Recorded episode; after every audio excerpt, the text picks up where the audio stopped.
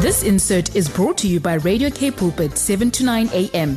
Please visit kpulpit.co.za. Off we go to midstream. It's not the voice of Yanni Putter, but the voice of his lovely lady wife. It's Tersia Putter. Good morning, Tersia. What a pleasure having you on the line with me. Good morning.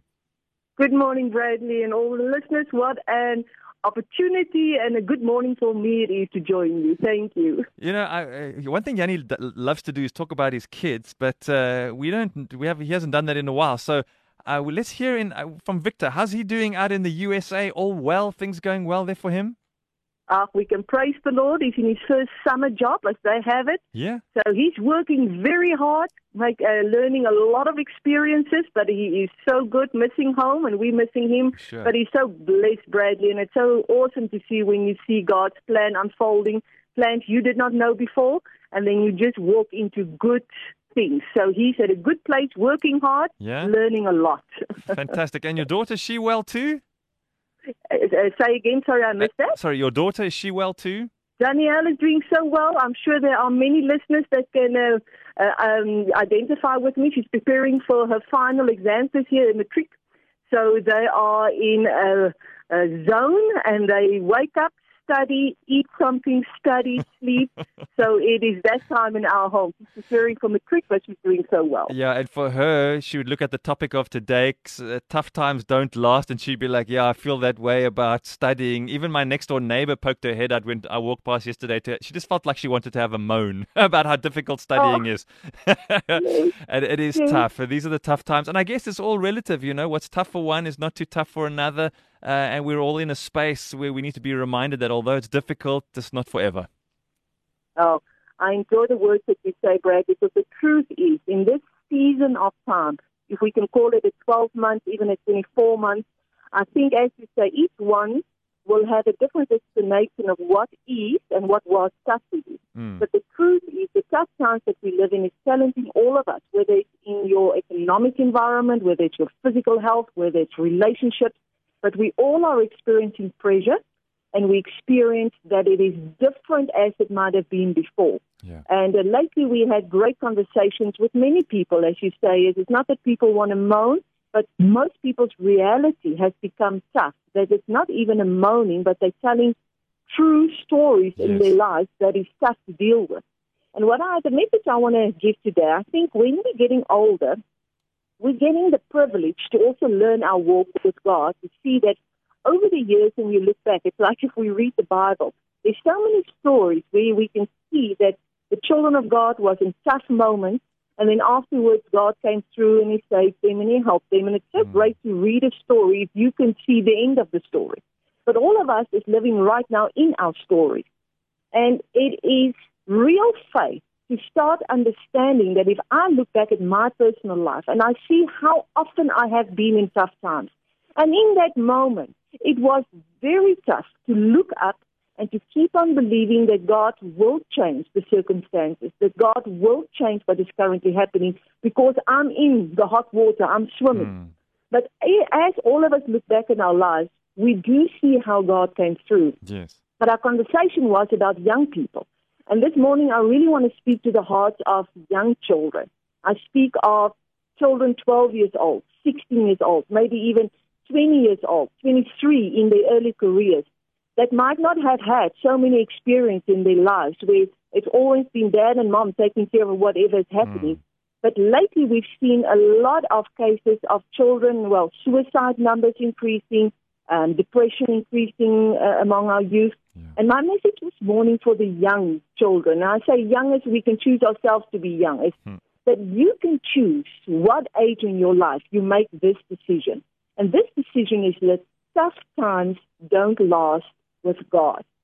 He will bring us through situations, tests, periods that really seems very hard to handle, unfair, um, uh, something that's totally out of your control. That will always happen in your life. But you can choose whether you only turn 60 until you start trusting God, or you can make a decision at 12 that from this day I make a choice Mm. that my God is there. My God will change my circumstances. My God will not let tough times last. And that is a crucial choice for all of us to make. But unfortunately, we wait till after the event passed to give glory to God and to say, yes, thank you, this thing passed. Mm. But the big moment in our lives is we can choose while we're right in there in the tough moment to open my mouth and say, I praise God. Even though I'm not seeing, He's moving. He's moving behind the scenes. He's changing the circumstances. Everything is subject to change, and I choose to trust my God. Yeah. Even if it feels like the wave is over me, I'm drowning, I don't know how tomorrow looks like. The choice is whether you're 12 years old or whether you're 55 years old. Your choice is the same as my choice today. I believe my God will get me through this. Oh, Tersia, that's powerful. You've mentioned thinking back, uh, reminiscing, and that's such a vital thing for us to do is to remember what God has done for us. And whether we've kept it in a journal or whether we feel moved this morning to create some kind of journal, but our own faith experiences, not only other people or people of faith that we can say, yeah, but them and you know them, our own lives. We've seen the faithfulness of God, but we forget. And when we sometimes in an almost identical situation, we start to worry and fear the way we did last time, even when we saw God come through for us. Absolutely. And that's why I say that place, it's almost like a marker in your life where you have to decide that before even anything else happened to my life, especially when you're right now in a tough situation. I think back when I was at school, mm. I was playing hockey and I was chosen to play for the SA team. And just the weekend before, I ran and I sprained my ankle. No. And at that age, I was 17. It felt like the world was ending. It was this big opportunity that was in front of me. I could not attend. There was no way that I could participate. Now that I look back, I can see how many other similar opportunities God opened up in His goodness and His mercy and His kindness. But that moment was devastating. I think of the time when I replied for job mm. and I didn't get the job that I wanted, and I could not understand why that door didn't open. Yes. Now I see the path God had for me, but in that moment, I could either have been like so often we read the Israelite story and we think, yes. how stupid could they have not been to trust God? I mean, yes. He just got them out of Egypt. He gives them manna every day, and now they complain. And when you look at yourself, I so often say, Lord, forgive me and help me not to be in that same place where they were, not knowing what tomorrow brings. But today I have to decide to say, I trust you, God. I believe that you will come through. I know that if I don't see it, it doesn't mean nothing is happening. You are mm. working behind the scenes.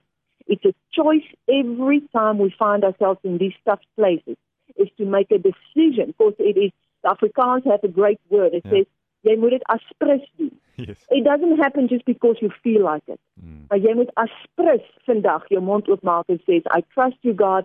I know you're moving my circumstances. Well, maybe that's going to be the words you've just heard from Tersia will echo in out of your mouth today as we trust God. Tough times don't last. Tersia Putter, thank you. Powerful message for this Tuesday morning and for you and uh, your house and the struggles that you have, just like everybody else. And in case people say, oh, no, what, you know, they always say like everything goes their way. It doesn't always go their way. It's the attitude and you know, the way that they talk about and deal with the tough times. Is, uh, I'm right, Tersia, even when it's tough Absolutely. on your side.